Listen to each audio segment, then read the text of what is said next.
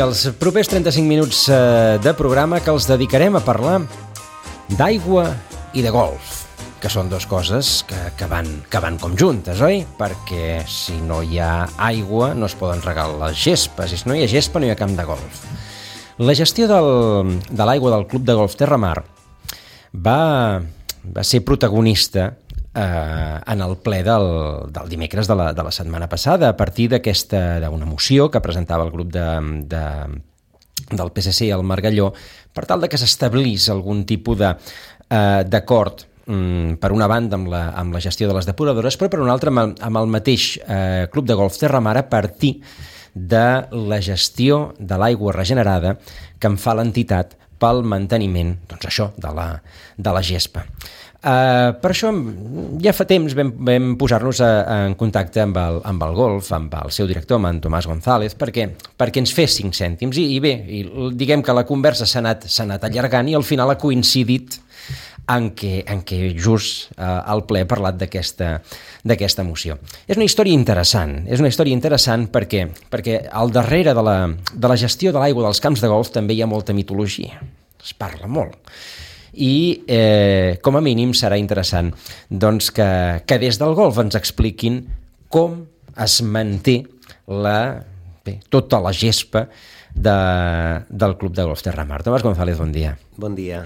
Um, darrere, darrere de la gestió de la gespa dels, gol, dels camps de golf hi ha molta mitologia. Correcte, sí, sí. bueno, re, realment, eh, no només darrere de, de la forma de, de subministrar l'aigua als camps de golf, sinó de tot el que es fa dintre d'un camp de golf, no? Uh -huh. Perquè realment, eh, evidentment, som un, un, un petit o un gran jardí a molts nuclis urbans, eh? i on fem una cura eh, molt gran no, de tots els recursos que, que tenim, no només de l'aigua, sinó de tota la, la flora i la fauna que hi ha dins un camp de golf. No? Uh -huh. um, hem portat amb, amb el Tomàs perquè, perquè ens faci cinc cèntims de, um, de com funciona això de l'aigua regenerada. L'aigua regenerada és l'aigua que, que, que ve de, la, de, de, de, de les deixalles de la, urbanes de l'aigua, és a dir, de, de, del rebuig, uh mhm. -huh. i que s'ha de llançar. I que abans de llançar, antigament es llançava directament al mar, però clar, això doncs no, ara mateix no és convenient, i per tant es sotmet a, es sotmet a un tractament. Aquest tractament es fa a la depuradora que hi ha a la recta de la mata, oi, Tomàs? Correcte. Jo crec que aquesta depuradora jo crec que data de, de finals, de, o sigui, del 1997 crec que el va construir, uh -huh. i tracta aigües tant de la vila de Sitges com de Sant Pere de Ribes. Uh -huh. És la EDAR, és eh, la EDAR, que surt. correcte. Uh -huh. I segons, eh, bueno, és una depuradora, diguéssim, de, de nivell 1, o, bueno, com la tipologien ells, de, de que és de les més senzilletes, eh, per dir-ho així, o sigui, no, no té tractament terciari per, per deixar l'aigua neta del tot, però bueno, sí que fa una feina important. Com has dit tu abans, tota la, l'aigua, diguéssim, de, de cloaca, no? abans anava a mar directament i es dissolvia per arte de màgia, eh? Uh -huh. i ara pues, se li fa un tractament previ que evidentment és important. Abans de, abans d'abocar-la al mar.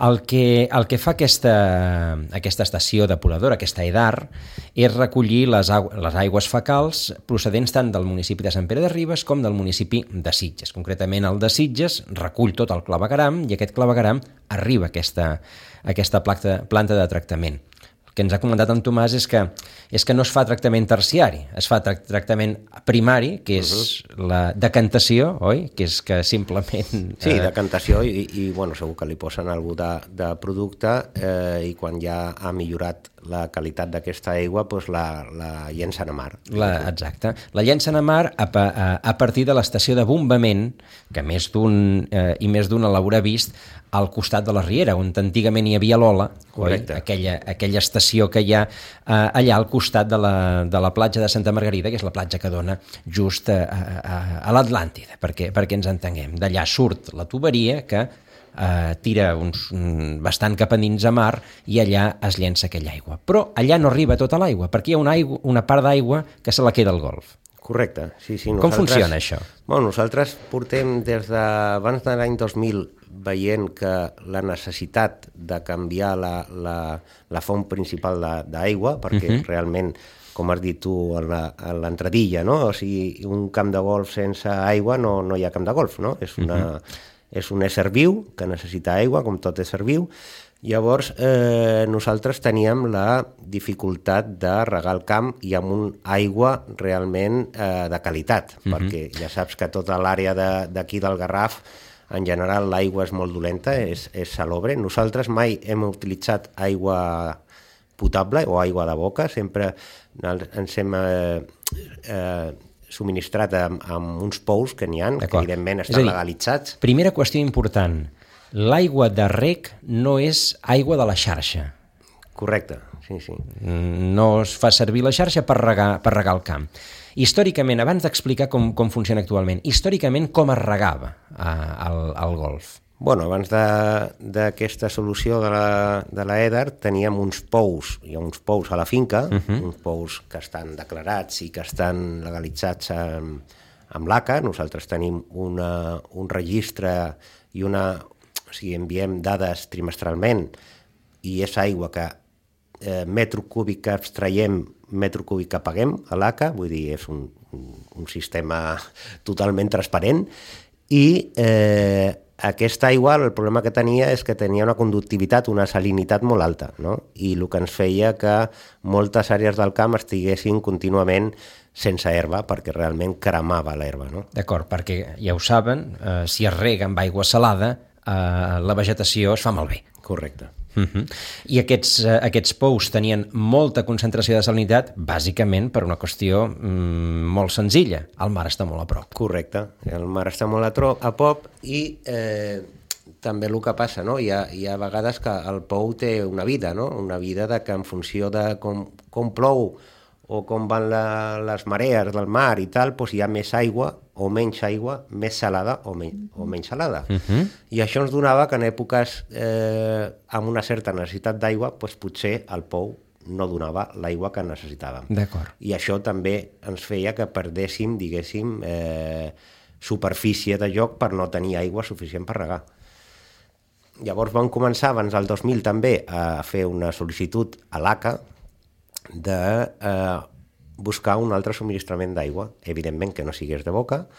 En l'època van intentar portar aigua del pantano de Foix, eh, perquè realment des de, ja des del 2000 allò eh, tots els sorts que n'hi havia per l'àrea, diguéssim, al voltant del pantano de Foix eh, estaven desapareixent uh mhm. -huh. i jo crec que és el pantano que està sempre entre el 90 i el 100% d'aigua no i, que, i que han de tirar, diguéssim, han d'obrir les comportes per, perquè no vessi, perquè és una aigua que estava infrautilitzada, no? des de que van desaparèixer tots els sorts que hi havien per allà. Uh -huh.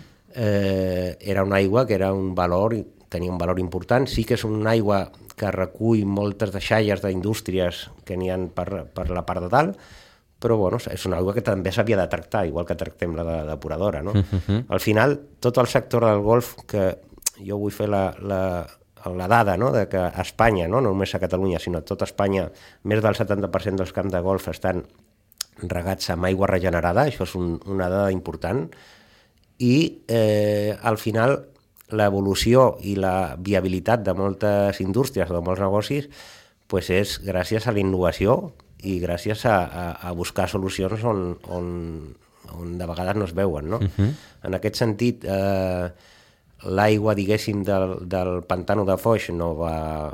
O sigui, l'ACA la va desestimar amb la amb comunitat de regants i tot això, no va poder ser endavant. Llavors vam veure l'altra via amb el tema de la depuradora bueno, van començar tots els tràmits, projectes, estudis, i el que és trist una mica és que eh, fins a l'any 2019 no ens van donar tots els permisos necessaris per fer l'obra i poder regar d'aigua eh, regenerada. Que és a dir, van fem... passar prop de 20 anys de papers Correcte. abans de poder-ho aconseguir. Sí, sí, a més és una aigua que anava a mar, o sigui, és que és el que fa gràcia o, o, o pena, no? Uh -huh. Una aigua que, que anava a mar amb una qualitat, diguéssim, eh, X, eh?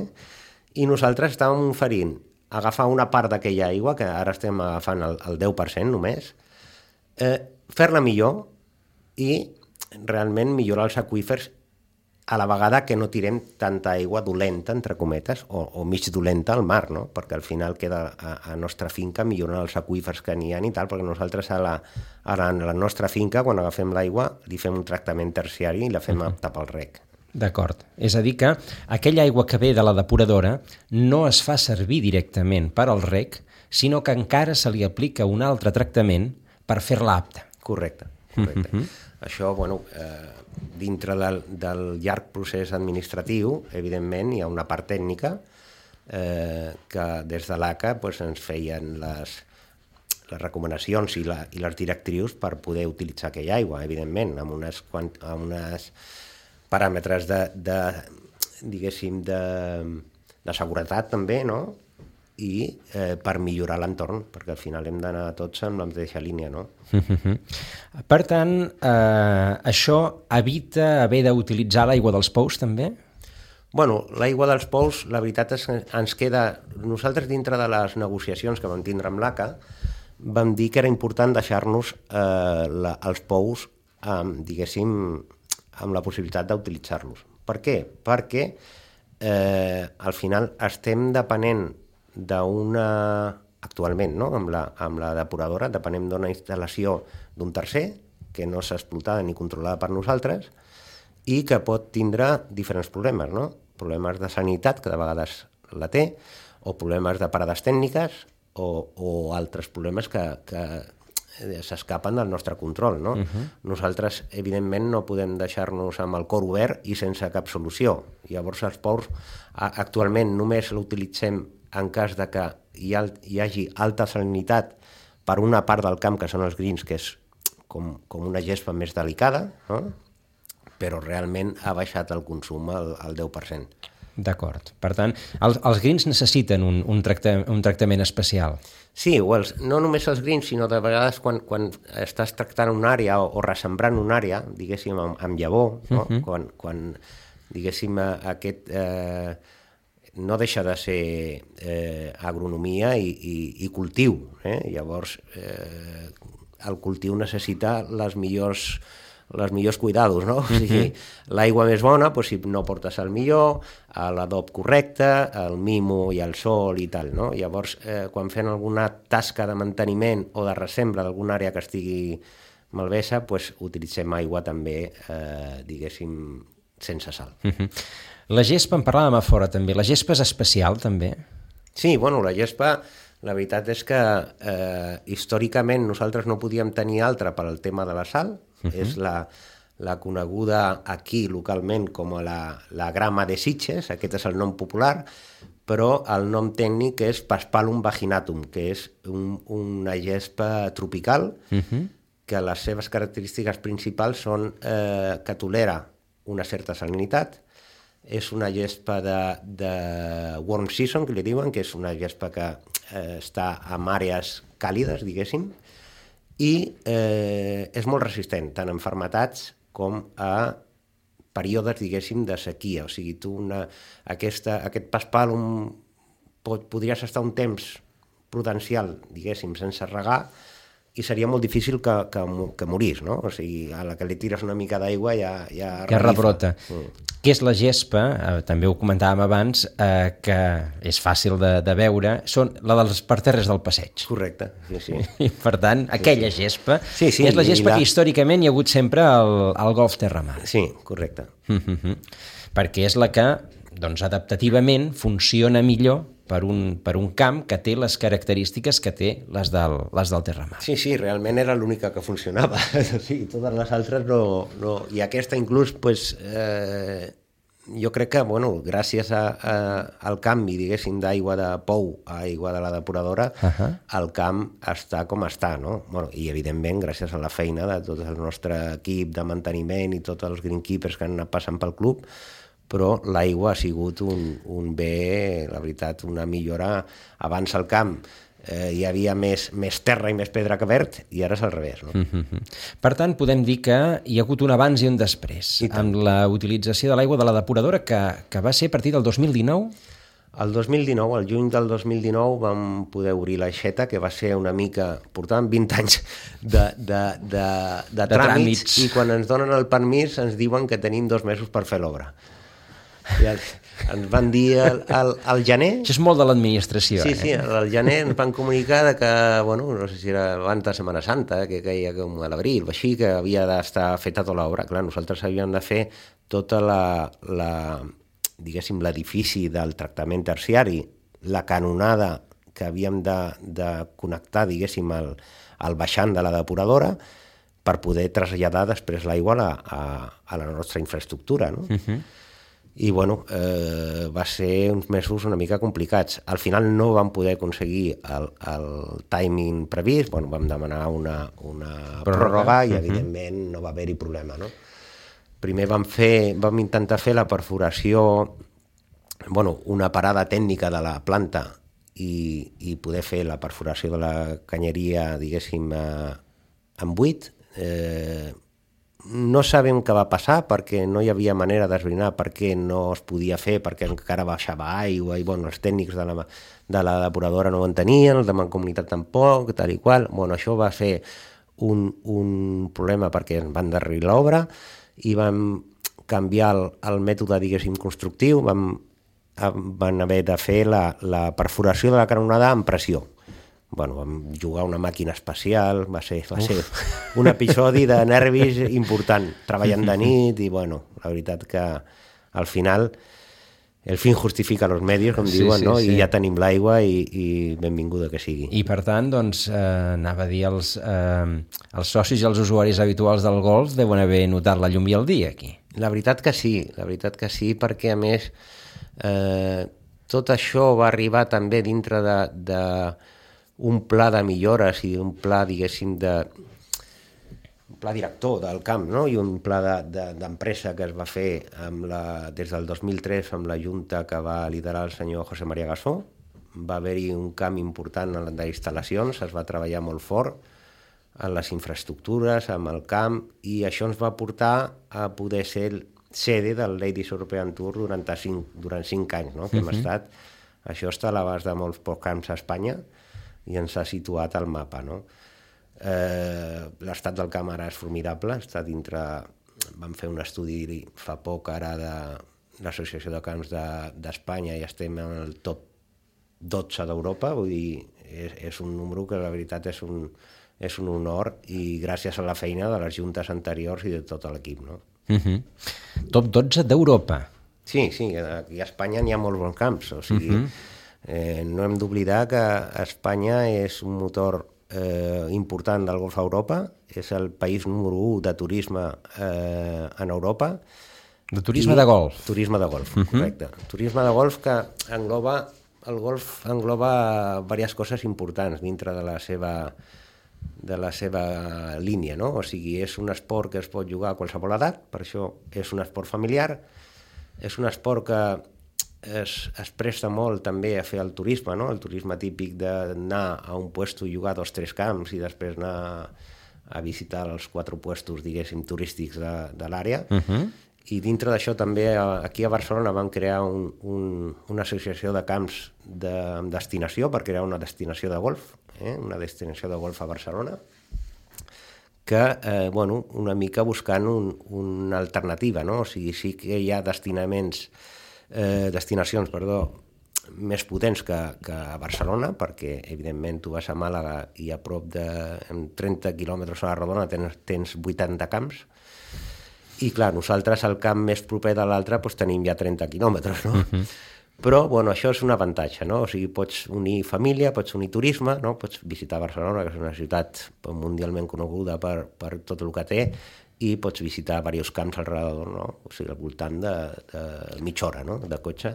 El, um, el camp de Terramar um, és prou, i m'entendrà la pregunta, eh, potent com per atraure persones que diguin mira, vaig a Sitges perquè hi ha, hi ha el Terramar i així jugaré i després doncs això faré turisme. Sí, sí, indiscutiblement nosaltres eh, dintre de que som un club eh, social, eh, uh -huh. un club privat, nosaltres dintre de la nostra política eh, i, i dels nostres pressupostos també. És, és una part important perquè el club eh, juguen al voltant de, anualment de 8.000 persones que no són sòcies.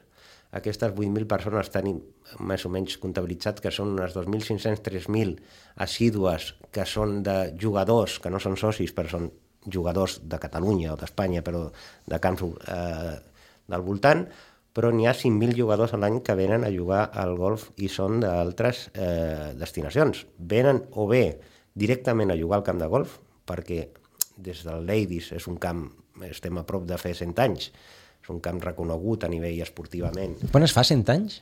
L'any 27. El 27. Sí, sí. Un centenari a la vista. I tant.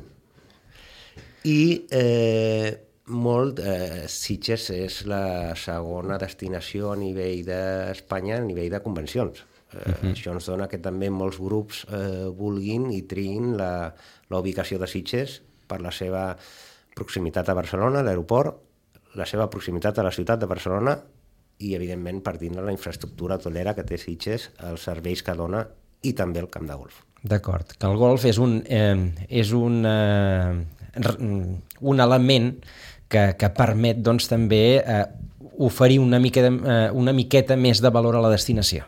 Correcte, sí, sí, evidentment. També eh, molta gent que nosaltres, eh, al, al ser a prop de Barcelona, eh, i des de que es va obrir l'autopista pues, en mitja hora estàs aquí, no? Sí. evidentment teníem molts socis de doble residència. No? Aquests eh, aquests socis amb doble residència han triat Sitges com a primera residència una vegada s'han establert o s'han jubilat, molts, eh? perquè uh -huh. tenim gent, gent, evidentment, de totes les edats, però Correcte, hi ha molta gent que s'ha jubilat i ja s'ha quedat a Sitges i és filla de Sitges, diguéssim, ja, perquè eh, té el camp de golf aquí, evidentment. És a dir, que aquest és un fenomen que sobretot s'ha vist molt després de la pandèmia, gent que tenia la segona residència i que després de la pandèmia ha dit quedo aquí, Bueno, la veritat és que la pandèmia ha sigut un, un abans i un després, eh? Sí. en quant al, al golf en general. A nivell internacional hi ha, hi ha hagut un boom, un boom molt fort del golf i eh, a Espanya també s'ha notat, inclús que a Espanya són poc consumidors, diguéssim, de golf, eh, però eh, la pandèmia va... Clar, és un esport molt segur, eh, a l'aire lliure, eh, estàs en un, un puesto idíl·lic, i eh, al final fa salut. Va, va, va sortir també fa un parell d'anys un estudi de que eh, el golf alarga la vida. Diuen que els jugadors de golf eh, viuen de mitjana 5 anys més, suposo que per el tema del caminar, no? Uh -huh.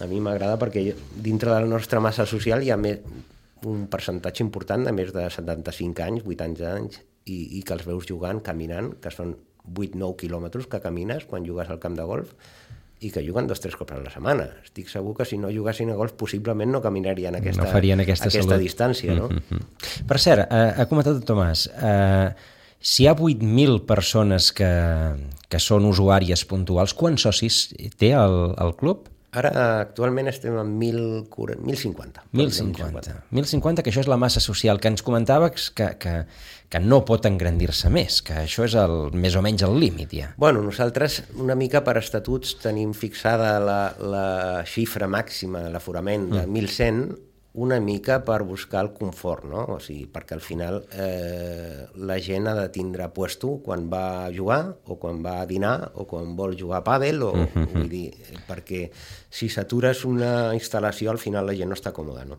Correcte. Um, clar, no pots saturar la instal·lació i, per tant, els socis han de, han de pagar unes quotes, òbviament, que han de servir pel manteniment d'aquesta instal·lació. I aquí ve la següent pregunta. El golf és un esport car? El golf és un esport car? Eh, no. Sí i no. bueno, com tots els esports. Tu pots anar en bici, no? A passejar en bici, amb uh -huh. una bici eh, de primera gamma, diguéssim, i que et costi 500 euros, i hi ha bicis que costen 10.000 euros. Pues els camps de golf són una mica el mateix, no? Uh -huh. O sigui, hi ha camps de golf, i a Catalunya tenim també una red de, de, de camps de pitxampat, que el preu és molt, molt assequible perquè pots jugar a pitxampats doncs, per entre 12 euros i 24 euros, pots fer una volta on estàs 3 hores jugant a golf, o sigui, proporcionalment és més barat que anar al cine. Uh -huh. I, I ha camps de golf, pues, evidentment, que són més cars. Eh? Això és com els hotels d'una estrella o de cinc estrelles.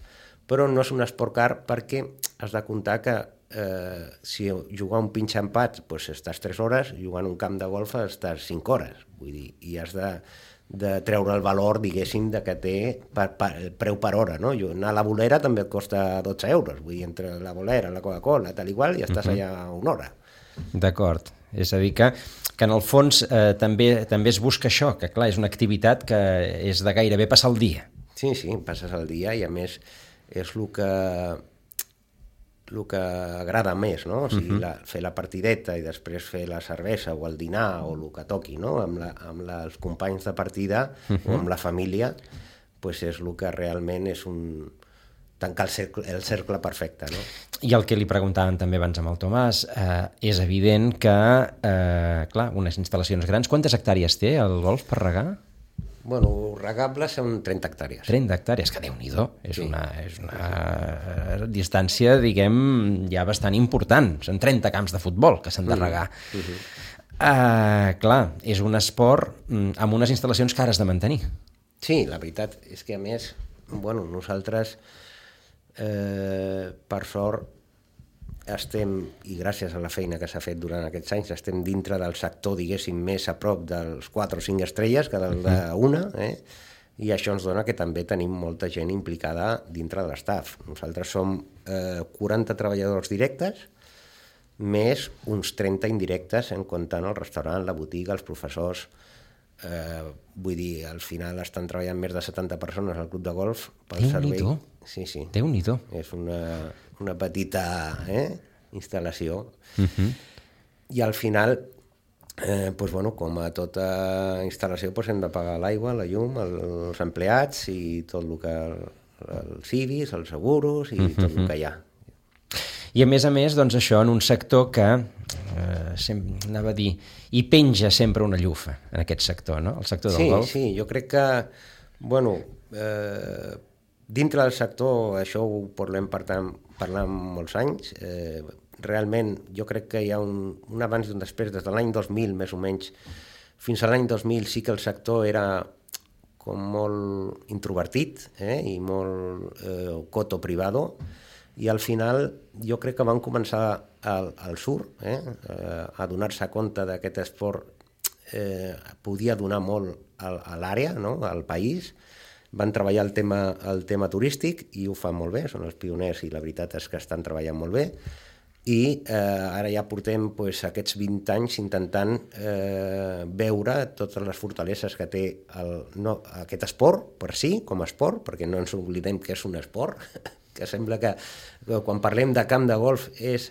a, a, aquells que estan allà dintre i no sé què fan, no, fan esport, uh -huh. i, i jo crec que això és important de dir-ho, que és un esport meravellós, que és un esport que es pot jugar a qualsevol edat i compartir eh, amb tota la família, que hi ha el tema del hàndicap que iguala els nivells, per això ho fa més especial.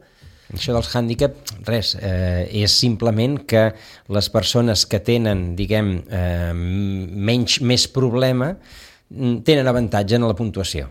Correcte, sí, és, és un nivell de joc. Al final uh -huh. et, et donen un, un número, eh? eh? és un nivell de joc, llavors si juga un senyor que és mm, que acaba de començar, per dir-ho així, doncs igual té 36, amb un senyor que ja porta anys i ja s'ha experimentat, que potser és handicap 6, doncs aquest 6 li ha donat 30 cops d'avantatge. No? Llavors, eh, d'entrada ja surten com empatats uh. -huh. i amb un nivell de, de competició important. No? D'acord, és a dir, una, un, un jugador amb, que acaba de començar pot jugar amb gairebé un professional i, i en el fons, doncs, com el professional ha d'agafar-lo, doncs al final tothom mm, pot competir entre, entre tothom. Això correcte, és el hàndicap. Correcte, mm. i això és el que li fa, jo crec que és una de les principals virtuts. I a Espanya realment i a Catalunya tenim molts bons jugadors. Això, bueno, des de ser Ballesteros, quan va, va ser el primer, no? Mhm. diguéssim, uh -huh reconegut, però des de CB fins ara que tenim, diguéssim, l'estrella, pues el, a nivell masculí el John Ram i a nivell femení tenim a la Carlota Ciganda, que uh -huh. va ser l'heroïna i la, la, la protagonista de la Solheim Cup, que va uh -huh. guanyar Europa, però la veritat és que Espanya té una cantera i uns jugadors molt, molt bons, eh? molt, mm -hmm. són referència a Europa i l'armada espanyola on va es deixa, es deixa sentir. Eh? Mm -hmm. I per cert, eh, tindrem Ryder al final. Espero que sí, altre. espero que sí. Jo crec que sí perquè és una oportunitat única eh, va, les va passar a l'any 96, 96 a, a Valderrama, uh -huh. quan es va jugar allà, allò va ser el boom, diguéssim, turístic i de camps de golf allà, i al final eh, parlem de dos temes sempre, no? O sigui, hi ha la vessant esportiva, evidentment és un event enorme, és un event que està per darrere del Mundial a nivell d'espectadors de, eh, diguéssim, a nivell de televisió i l'impacte econòmic que té sobre l'àrea ja és importantíssim, no? Uh -huh. I els diners aquells queden a la, a la ciutat, diguéssim, a Girona, a Catalunya, vull dir, jo crec que és una, un moment que no es pot deixar passar perquè, bueno, jo tinc relació amb el camp eh, on es pot fer, que és eh, el Camp Iran, el que era el PGA de Catalunya abans, i la veritat que tenen molta il·lusió de fer-ho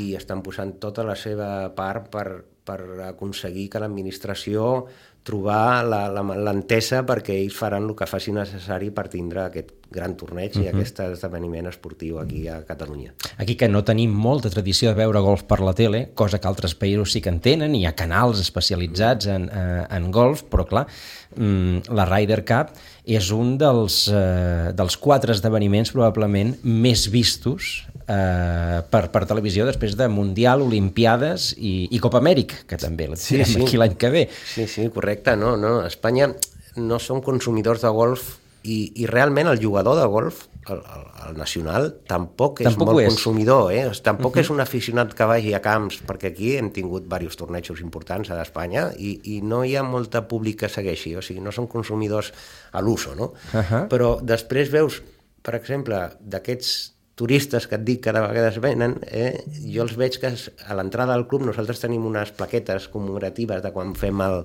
el Ladies i veus que entren aquests senyors turistes, eh, els japonesos i tal, o els americans, i es fan la foto amb la plaqueta. Vull dir, eh, I nosaltres aquí, pues, no ens quedem igual. Ens, ens, costa, ens costa que la gent vingui a veure, mira que intentem, eh?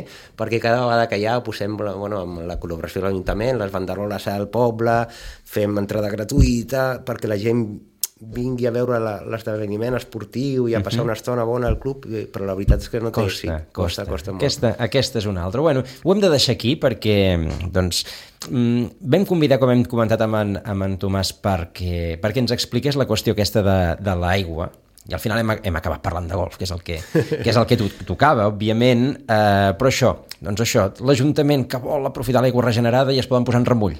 Sí. si han bueno, jo crec que hi ha molta possibilitat, no? Uh -huh. O mhm. sigui, l'aigua eh, està clar que és un, és un actiu important i hem de treballar tots per utilitzar el millor mitjà que ens doni la naturalesa i la inventiva i la creació per, per millorar l'entorn que tenim. Uh mhm. -huh Eh, evidentment, nosaltres eh, amb, vaig tindre alguna trucada per part de l'Ajuntament per veure si podíem col·laborar amb el tema de l'aigua per la sequera i tal. Evidentment, nosaltres li vam dir que sí, que estem a la disposició que, del que facin falta. El que passa que aquí entra un tercer, que és l'ACA. Nosaltres, dintre del contracte o del permís, l'ACA ens deia que no podíem treure l'aigua d'allà. Llavors, per si l'ACA ens dona permís, nosaltres evidentment ajudarem a Sitges a el que necessiti. Per això estem. Doncs eh, ho deixem aquí, amb aquest oferiment del, del Club de Golf, aquestes necessitats també que, que s'apuntaven per la eh, d'utilitzar l'aigua també per la, per la neteja, neteja pública. Moltíssimes gràcies, Tomàs González, eh, director del Club de Golf de Ramar, per aquestes explicacions i molta sort en el futur. Moltes gràcies per convidar-me i estem en contacte. Gràcies. I a tots vostès, moltíssimes gràcies per l'atenció, que passin un molt bon dia i fins demà.